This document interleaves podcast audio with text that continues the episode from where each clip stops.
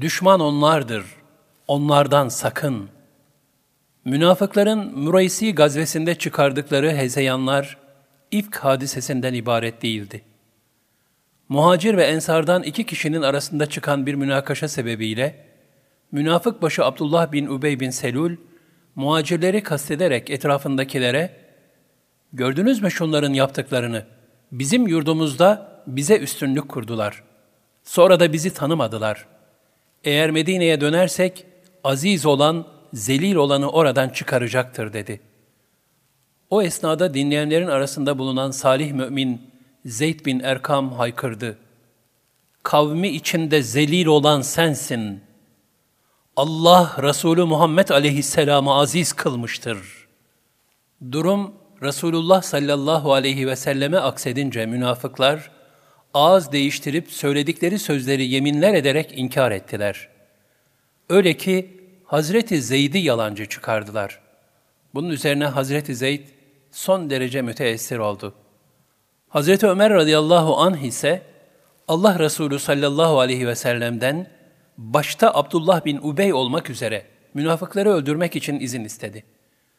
Ancak Resulullah sallallahu aleyhi ve sellem büyük bir firasetle, Ya Ömer, işin iç yüzünü bilmeyenler, Muhammed ashabını öldürüyor diye konuşur, buyurdular.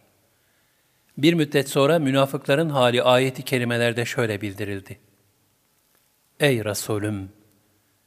Münafıklar sana geldiklerinde, şahitlik ederiz ki sen Allah'ın peygamberisin derler. Allah da bilir ki sen elbette onun peygamberisin. Fakat Allah o münafıkların yalancı olduklarını da bilmektedir. Onlar yeminlerini kalkan yapıp Allah yolundan saptılar. Gerçekten onların yaptıkları ne kötüdür. Bunun sebebi onların önce iman edip sonra inkar etmeleridir. Bu yüzden kalpleri mühürlenmiştir.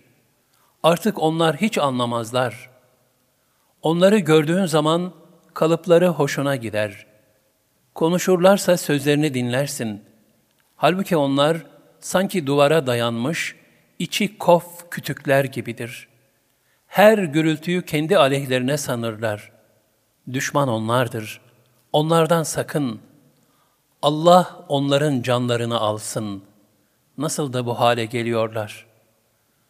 Onlara gelin Allah'ın peygamberi sizin için mağfiret dilesin denildiği zaman başlarını çevirirler ve sen onların büyüklük taslayarak uzaklaştıklarını görürsün. Onlara mağfiret dilesen de, dilemesen de birdir. Allah onları kesinlikle bağışlamayacaktır. Çünkü Allah yoldan çıkmış bir güruha hidayet etmez. Onlar Allah'ın elçisi yanında bulunanlar için hiçbir şey harcamayın ki dağılıp gitsinler diyenlerdir. Oysa göklerin ve yerin hazineleri Allah'ındır. Fakat münafıklar bunu anlamazlar. يَقُولُونَ لَاِنْ رَجَعْنَا اِلَى الْمَد۪ينَةِ لِيُخْرِجَنَّ الْاَعَزُّ مِنْهَا الْاَذَلِ Onlar andolsun eğer Medine'ye dönersek üstün olan zayıf olanı oradan mutlaka çıkaracaktır diyorlardı. وَلِلَّهِ الْعِزَّةُ وَلِرَسُولِهِ وَالْمُؤْمِنِينَ وَلَكِنَّ الْمُنَافِقِينَ لَا يَعْلَمُونَ Halbuki asıl üstünlük ancak Allah'ın, peygamberinin ve ilahi istikamet üzere olan müminlerindir. Fakat münafıklar bunu bilmezler. El-Münafikun 1-8 Hikmet-i ilahi, münafıkların reisi olan Abdullah bin Übey'in Abdullah adında bir oğlu vardı ki, samimi bir mümindi. Allah Resulü sallallahu aleyhi ve selleme son derece bağlıydı. O babasının yaptıklarına çok üzülüyor, sabredemiyordu. Son hadiseler de gönlündeki bu kederi iyice artırdığından Allah Resulü sallallahu aleyhi ve selleme geldi. Ey Allah'ın Resulü! Eğer arzu edersen babamı öldüreyim dedi. Allah Resulü sallallahu aleyhi ve sellemin buna müsaade buyurmaması üzerine de İslam ordusunun içindeki babasının yanına koştu ve devesinin yularını tutarak haykırdı. İzzet ve kuvvetin Allah'a ve Resulüne ait olduğunu söyleyinceye kadar seni yerinden kıpırdatmayacağım. Münafıkların başı şaşkınlaştı. Bunca insanın ortasında oğlunun kendisine yaptığı bu hareketi gururuna yediremedi. Şimdi sen beni bu kadar insan içinde Medine'ye bırakmayacak mısın? dedi. Oğlu büyük bir iman celadeti içinde evet. Bugün insanların arasında en rezille, en azizin kim olduğunu sana öğretinceye kadar seni bırakmayacağım.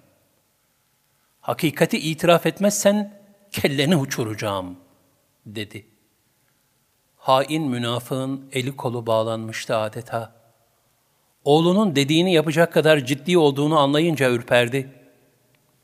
Daha evvel söylediklerini geri alarak, istemeye istemeye de olsa hakikati terennüm edip, şehadet ederim ki, izzet ve kuvvet Allah'a, Resulüne ve müminlere aittir demek zorunda kaldı.